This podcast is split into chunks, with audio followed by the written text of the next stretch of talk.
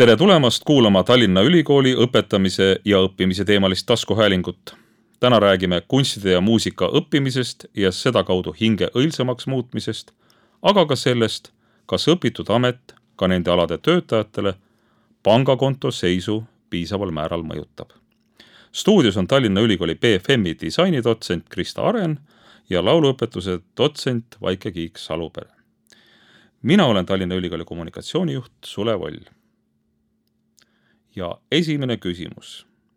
kunsti ja muusika roll lapse kasvamisel ja kasvatamisel. kas see on ikka alles või on tänapäevased tehnilised vahendid suutnud pakkuda midagi muud ja muusika ja kunst on kõrvale jäänud? Krista, mis sa arvad sellest? no kindlasti ei ole kõrvale jäänud. Äh, pigem vastupidi äh, esimene asi, mis ma selle küsimuse peale ütlen, on see, et äh, loomulikult see sõltub lapse vanusest, aga äh, kunsti mõiste äh, on nii palju laienenud tänaseks päevaks, et kui me nimetame kunstiks kõike audiovisuaalset produkti, mida tegelikult lapsed tarbivad. Või me nimetame seda vähemalt kunstiga seo-, seonduvaks,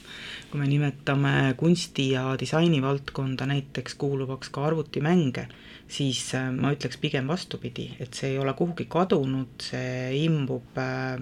igapäevaellu, aga tõepoolest sellist traditsioonilist äh, mõistet, sellist maalikunsti, kujutavat kunsti, graafikat, skulptuuri, äh, seda muidugi on vähem, aga noh, me olemegi kaasajas, et me ju ei kanna ka enam äh, keskaegseid rõivaid, vaid käime T-särkides ja elame teistsugustes hoonetes kui sada aastat tagasi, nii et see on täiesti loomulik areng. No Vaike sünnipäevalauas ka me ei istu enam üksteise kõrval ja ei laula ühte sedasama laulu no mine tea, võib-olla äh, siiski istume ja laulame, aga ma ütleks nii, et äh, juba äh, enne lapse sündi on muusika väga olulisel kohal nii-ütelda prenataalsel olekul, kui ema kuuleb muusikat, siis on ju tehtud uuring, uuringuid, kus on selgunud, et et kõik need muusikalised sagedused mõjutavad ka loodet. nii et, et ma arvan, et need muusikalised sagedused, ükskõik, kas me loome neid ise lauldes, kas me loome neid läbi mõne instrumendi, eh, need eh, ikkagi mõjutavad meie meeleolu ja ma arvan, et äh, muusika ja muusika oskused põhimõtteliselt ei kao kuskile, ükskõik kui digitaalseks see maailm muutub, aga meie inimestena vajame neid sagedusi. muusika ja kunsti õpetamine, et äh, Tallinna Ülikoolil on kaks ühisõppekava, magistriõppekava, need on siis äh, kunstiõpetaja, muusikaõpetaja õppekava. Äh, küsin kõigepealt, kas üldse on võimalik kunsti õpetada, kas on võimalik muusikat õpetada või, või see on lihtsalt seletamatu anne, mis ükskord ikkagi nagu purskkaev välja purskab? no siis jälle tahaks kohe küsida, et mis see anne on. et seda on äh, ju suured äh, loojad erinevat, erinevalt tõlgendanud, et mis, mis see anne on, et kindlasti ta ei ole äh, kusagilt ülevalt poolt äh, peale kallatud üks komponent, et anne, anne ja andekus koosneb ju ka väga paljudest osadest. aga ma, mina tegelikult arvan, et ei ole võimalik väga õpetada, kui, kui väga niimoodi laia pintsliga praegu seda vaadata. ma arvan, et seda on võimalik õppida, kui on tahe aga, aga seda õpetada, äh, see on nagu keerukam äh, osa jah, ja jälle, et, et noh, mida me selleks kunstiks nimetame, et kui me nimetame tegelikult võib-olla maailma sellist visuaalset äh, tajumist või sellist visuaalset harmooniat, ka, ka meie ehitatud ja ruumilisest keskkonnast arusaamist, sellest, selles orienteerumist, ähm, siis on seda ju võimalik teatud määral õpetada kõigile, aga, aga noh, ma kujutan ette, et sina pead oma küsimusega silmas seda, kas nagu joonistamist, maalimist ja värvimist on võimalik kõikidele ühevõrdselt õpetada, et noh, siis muidugi ei ole, et need, kellel on selle vastu huvi ja kellel on isu seda teha, äh, need ähm, õpivad seda ka siis, kui neid ei õpetata, olen täiesti kindel selles noh, muusikas on ju samad näited, eks ole, et on väga musikaalseid inimesi, kes pole päevagi ehm, nii, nii-öelda professionaalset õpetust saanud, aga tal on soov ja tahe olnud mingit pilli õppida ja ta on selle võimaluse leidnud. Ehm, Krista, tahan veel küsida sinu käest, et aga milliseid oskusi Tallinna Ülikool nüüd annab kunstiõpetajale? no tänasel päeval see protsess on hästi palju muutunud et ähm, kunstiõpetajale ta tegelikult, äh, Tallinna Ülikool annab peamiselt äh, pedagoogilised ja kasvatusteaduslikud oskused. Ehk, ehk ähm, need nii-öelda professionaalsed erialased oskused on eeldatud, et nad on need juba varasemalt omandanud äh, kas siis mõnes teises ülikoolis või ka, või ka Tallinna Ülikoolis, aga juba varasemalt omandatud, et et tegelikult äh, magistriõpe ja õpetajakoolitus eeldab äh, pigem lapse arengust arusaamist selle arenguga kaasaminemist äh, ja nii-öelda sellise õpetamisprotsessi analüüsi, kui äh, noh, utreeritult käsitööoskuste õpetamist. jaa, no mina lisaksin siit omalt poolt, et ütleme, muusika õppimine ja õpetamine on kindlasti võimalik aga nõustun siin Kristaga, et tõepoolest, et mõnel inimesel on see tõmme Äh, kas siis muusikakunsti või matemaatika poole äh, juba, äh, juba sisemiselt olemas ja nendega on kindlasti märksa lihtsam ka õpetust läbi viia. aga ütleme, neil, kellel seda tõmmet millegipärast ei ole tekkinud ka varases lapseeas, siis tegelikult ütleme, teoreetikud ka ütlevad nii, et kui me loome keskkonnad, mis võimaldavad äh, nendel annetel kas siis kujuneda või äh, välja tulla, et, et nende keskkondade loomine äh, varajases eas on väga-väga oluline. ja siin peaks olema nüüd targad otsustajad, et milliseid keskkondi me loome. et kas ta on ainult, ütleme, digitaalne näiteks nupule vajutamise keskkond, et ma, ma, mida on ka vaja. või ma loon sellise keskkonna, kus inimene saab musitseerida iseseisvalt, kas või lauldes, kas või osaledes koorides või ansamblites või et või mängida klaverit või ükskõik millist instrumenti. et, et see keskkonna loomine on väga-väga oluline ja ma arvan, et et äh, võib-olla lapsevanemad, kui nad tahavad, et, et nende järeltulijad oleksid noh, kuidas ma ütlen niimoodi, et, et neil oleks, et neil oleks valikuvõimalus, siis, siis selliseid keskkondi võiks äh, võimaldada. aga mis puud-, puudutab nüüd magistriõpet,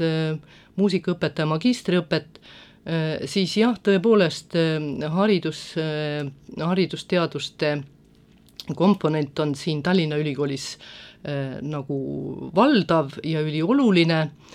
aga me siiski ka äh, suuname muusikaõpetajaid spetsiaalselt ka multimeedia juurde, tänapäevaste niisuguste vahendite juurde, millega saab muusikat teha, mida, milliste programmidega saab äh, muusikat õppida ja ka ütleme, õpetajate ja õpilaste häälekasutusest saame ka äh, rääkida, mis on ka väga oluline õpetaja töös. siin võib-olla on paslik öelda, et Tallinna Ülikoolis on ka bakalaureuse õppekava, mis on siis integreeritud kunst, muusika ja multimeedia. Krista, mida see endast lähemalt kujutab ja kui palju on ta seotud siis kunstiga, kui palju muusikaga ja kui palju multimeediaga? noh, selle õppekaval on selline tore hüüdnimi nagu Ikumumu ja ta on üsna noor alles, meil on nüüd äh, neljandad äh, lõpetajad tulemas. Äh, ja tegelikult ma pean ikka ära ütlema selle, et see õppekava, mis omal ajal loodi, natukene nagu paratamatu või, või hädasunnil seoses instituutide liitumisega, see tegelikult on hakanud praeguseks ajaks paremini tööle, kui me oleks eales uskunud ja arvanud või lootnud, et ähm, ta on äh, väga laiapõhjaline eriala tegelikult. et siit tulevad välja siis noored loomingulised inimesed, kellel on mingisugune kokkupuude ja aimdus teatud tasemel nii muusika, kunsti kui ka siis nende nüüdisaegsete rakendamistega kui ma selle bakalaureuse õppekava edukalt läbi teen ja, ja kas siis aulas või sisehoovis oma diplomi saan, kas keegi mind tööle võtab ka? mida ma oskan siis? Seda ma ei tea, kas keegi äh, sind tööle võtab, aga meie si-, siinsed või noh, praegused lõpetajad on äh, kõik äh, tööd saanud, aga ma ütlen, kohe tahan ära öelda selle, et kolme aastaga ei saa mitte üheltki erialalt mingisuguseid oskusi. Et kui me, tegelikult õige vastus on, et keda see eriala nagu huvitab, need ikkagi võiksid minna edasi õppima. Ja see, mida ta pakub, on see, et ta pakub nagu võimaluse oma võimeid proovile panna päris erinevas valdkonnas, ehk et äh, kui sa noore inimesena ei tea väga, mida valida ja valid ühe sellise kitsa eriala, siis äh, koolis ähm, sa ei saagi teada, mis, mis need võib-olla need nii-öelda teised suunad on, aga et selle eriala puhul saab katsetada päris palju erinevaid põnevaid loomingulisi väljundeid. et see on võib-olla kõige suurem pluss, aga noh, tõesti, tööle on meie tudengid äh, kõik saanud, et selles suhtes ei ole probleemi, aga kui meie lõpetasime Vaikega, siis, äh, siis meie õppisime ju viis ja kuus aastat. Ja peale seda oli meil tunne, et me ei oska õieti midagi, aga noh, tänased äh, kolmeaastased lõpetajad äh, mingisuguseid selliseid põhjalikumaid oskusi loomulikult selgeks ei saa, aga nad saavad huvi ja soovi midagi edasi arendada, ehk. kas on võimalik, et, et integreeritud kunst, muusika ja multimeedia annab sellise aluse, et on võimalik sealt õppida siis magistris edasi kas kunstiõpetajaks või muusikaõpetajaks? ma arvan küll et annab selle võimaluse. seda enam, et ütleme, et meil, kui ma nüüd räägin muusikaõpetaja õppekavast lähtuvalt, siis muusikasuunale meil bakalaureusest tulevad ikkagi või me võtame vastu sellised inimesed, kes, kellel on võimalikult hea ettevalmistus muusikaliselt. et meile on tulnud väga, väga heade eeldustega inimesed ja, ja ütleme ka äh, klaveris konkursside võitjad ja, ja selles suhtes pillimängudes, et ma arvan, et see eelnev tase võimaldab just nimelt neil edasi minna, et me ei keskendu siin niivõrd ütleme siis võib-olla koori dirigeerimisele või, või, või mingitele spetsiifilistele muusikalistele külgedele, aga me siiski anname niisuguse laiapõhjalise Äh, aru saama, et nad saavad minna edasi, need, kellel on see võimekus ja tahe. mina äh, selle kunstiõpetaja koha pealt äh, nii optimistlik ei ole, sellepärast et jah, meie õppekaval, sellel IKUMUM õppekaval on väike pedagoogiline moodul, nad saavad võimaluse katsetada erinevaid juhendamismetoodikaid ja jah, neil on võimalus minna edasi magistrisse ja meie õppekavalt on ka läinud mitu tudengit, aga äh, selleks, et midagi õpetada päriselt teistele, selleks peaks sul endal olema lisaks elukogemusele ka erialane töökogemus. ja seda tegelikult peale kolmeaastast no bakalaureuse lõpetamist ju inimesel ei ole. nii et meie väga soovitame äh, alati natukene oma erialal töötada, natukene ringi vaadata ja siis ähm, tulla uuesti kandideerima magistrisse oma kogemusi jagama. ja tegelikult need magistrikursused on niimoodi ka koostatud, et, et ähm, üldiselt ikkagi kogemusega inimene tuleb mm, õpetajaks õppima ma siin lisan juurde, et meie magistriõppes, muusikaõpetaja magistriõppes olevad üliõpilased on noh, võiks öelda üheksakümmend protsenti töötavad eh, erialal eh, üliõpilased. nii et tegelikult mina näen siin positiivsena just seda, et see eh, koolitöö ja, ja enesetäiendamine, et see nagu täiendab üksteist Krista, sa ütlesid äh, silmade särades, et äh, tudengid on Iku Muumu raames saanud erinevaid asju proovida või ennast neil proovile panna. mille, kellel sa oled või, või, või millisel puhul sa oled näinud, et nad on tõesti vaimustunud sellest õppimisest või nad naudivad seda proovimist? Neid asju, mida nad teevad, on päris palju ja võib-olla ma ei jõua siin praegu kõiki neid üles loetleda, aga, aga see, see põhimõte on olnud nagu nii, et nad kõigepealt äh, saavad erinevaid oskusi, erinevaid võimalusi ja siis need asjad, mis võib-olla silmad särama panevad, on siis see, et nad panevad nende oskustega midagi kokku. ja noh, need on näiteks siis need nii-öelda multimeediaprojektid, kus nad rakendavad nii oma helisalvestuse, muusika loomise kui ka siis liikuva pildi, loojutustuse ähm, nii-öelda oskusi koos ja te-, teevad palju ka meeskonnatööd, et et kui kunst äh, traditsioonilises mõttes on olnud väga individuaalne eriala ja seda on ähm, muuseas näha ka meie tudengite pealt, alguses eriti, et muusikud on palju sotsiaalsemad kui kunstnikud, sellepärast et nemad väga tihti töötavad äh, ju orkestris, kooris, tal on ikkagi, sul on saatja, eks ole, sa oled, sa oled äh, nagu harjunud teisega arvestama, siis kunstnikud on väga individualistlikud. aga, aga, aga noh, see on nagu murdunud, et äh, nad on päris huvitavad koostöögrupid, mis, mis on hakanud tekkima ja praegu on just see lõpetamise, kursuste lõpetamise aeg, et siin selliseid äh, oma heliloomingu visualiseerimisi, põnevaid helivalguse performatiivseid kunstiprojekte, kus on tõesti nagu kõik need komponendid esindatud, et need on väga huvitavad. saan aru, et äh, vähemalt bakalaureuseõppes igav ei ole, aga magistriõppes? Äh, ei ole igavam, aga on väga palju tööd väga tihe programm, kuna magistriõpe on ju läinud nüüd äh, üle tsükliõppele. see tähendab seda, et kõik inimesed tegelikult töötavad ja siis õhtuti ja, ja teatud nädalalõppudel on väga intensiivne tegevus. tohutult palju on teaduskirjanduse lugemist, materjalide läbitöötamist, tihedaid loenguid, seminare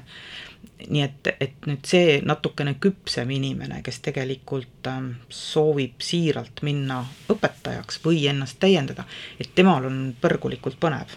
ja mina võin ka siin mm, kaasa öelda, et, et eriti ka haridusteaduslikud äh, ained on äh, tänapäeval väga-väga huvitavalt edastatud ja, ja väga kaasaegsed teadmised äh, tulevad meie üliõpilasteni, nii et, et selles suhtes huvi nende ainete vastu on tegelikult väga suur. tihtipeale noor inimene ütleb, et äh, ah ka, et, et eks need ülikoolis on needsamad õppejõud ja nad on juba aastaid või isegi aastakümneid õpetanud. mõnes mõttes vastab see tõele, aga eks õpetamismeetodid on ka ju muutunud ajas no õpetamismeetodid on jah, nii palju muutunud, et, et või võiks isegi öelda tundmatuseni muutunud, aga sinu lause esimene pool, et õpetajad õpetavad mitukümmend aastat, et eh, meie valdkond, need, kes me siin praegu räägime, et, et me tegelikult ikkagi oleme oma eriala spetsialistid ja õpetame nagu kõige muu kõrvalt, et tegelikult see ei ole selles mõttes selline akadeemiline eh, õpetamine ainult aga õpetamismeetodid on muidugi muutunud, kui, kui mõnikümmend aastat tagasi ikkagi oligi ja veel, veel rohkem ka, et õppejõud seisis äh, nii-öelda stuudiumis või, või klassi ees ja ja rääkis midagi ja tudengid kuulasid äh, kõrvad kikkis ja võib-olla suurt mitte midagi aru ei saanud ma ise mäletan, et üks minu, minu üks õppejõududest, kes on väga tunnustatud graafik, kes näiteks, tema meetod oli selline, et ta andis ülesanded, tudengid tulid äh, oma kavanditega, neid oli tohutul hulgal, metsik töökoormus oli, siis ei olnud ju arvuteid ega midagi, kõik tuli käsitsi teha, ja siis ta lihtsalt kirjutas sinna punase pastakaga peale, harjuta veel. aga ta ei seletanud mitte kunagi, mida sa pead harjutama, miks sa pead harjutama ja, ja selliseid meetodeid oli ka muusikas, eks ole, väga-väga sageli. siis tänasel päeval see ei tule ju enam kõne allagi, tänasel päeval ma ütlengi, et meie noh, et on võimalik õppida, aga õpet-, õpetamine on niisugune kahtlane värk. no ütleme niimoodi, et muusikas on ju, oleneb, mida sa õpid muusikaliselt, kui sa nüüd õpid inter- Mm, interpretatsiooni, siis äh, loomulikult see tagasisidestamine on ju tegelikult ka individuaalne ja väga põhjalik. Siiamaani ja läheb ka ilmselt niimoodi edasi, kui see on suunatud virtuoossuse arendamisele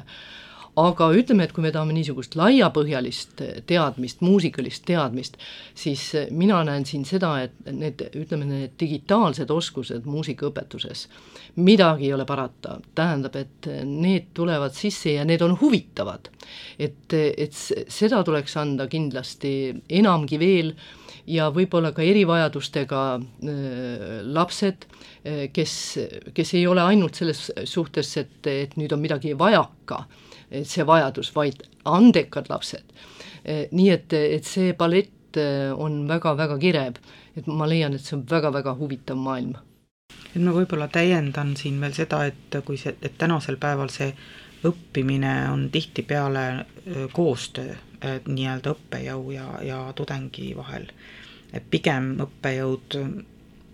sulandub nii-öelda tudengi äh, vajadustega kokku ja, ja sellest tekib mingi sünergia, mille tõttu siis tudeng võib-olla liigub või areneb kuhugi edasi.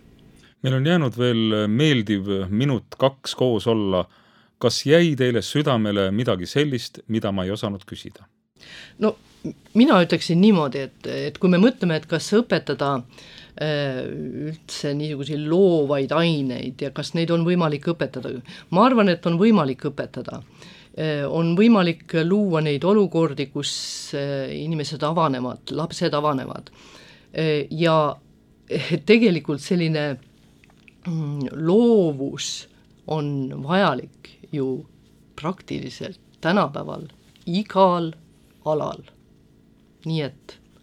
sellise loovuse kujundamine, julgustamine, inspiratsiooni andmine äh, võimaluste andmine, et, et siis tulevad meile ka loovad õpetajad ja ka kõik muud loovad inimesed, kes tahavad midagi uut meile anda. noh, ja mina tahaks öelda võib-olla, et, et sellist ähm, ähm, esteetilist ähm, kunsti ja muusika või selliste kaunite kunstide õpetamist tuleks kindlasti viia äh, nagu palju ähm, laiematele tasanditele, palju laiematesse kihtidesse äh,, sest sellest sõltub tegelikult see keskkond, kus me pidevalt viibime, nii heliline kui ka visuaalne kui ka ruumiline. et me ise oleme selle loojad ja ise oleme ka tegelikult selle hindajad. et mida vähem äh, selliseid äh, Äh, arusaame on ehitatud keskkonnast või ümbritsevast keskkonnast, sinna hulka kuuluvad ka helid, seda ebakvaliteetsem see ju tegelikult on, eks ole. aitäh! Te kuulasite Tallinna Ülikooli taskuhäälingut ja täna rääkisime kunstide ja muusika õppimisest ning õpetamisest. stuudios olid Tallinna Ülikooli BFM-i disainidotsent Krista Aren ja lauluõpetuse dotsent Vaike Kiik-Salupere. jälle kuulmiseni! Thank you.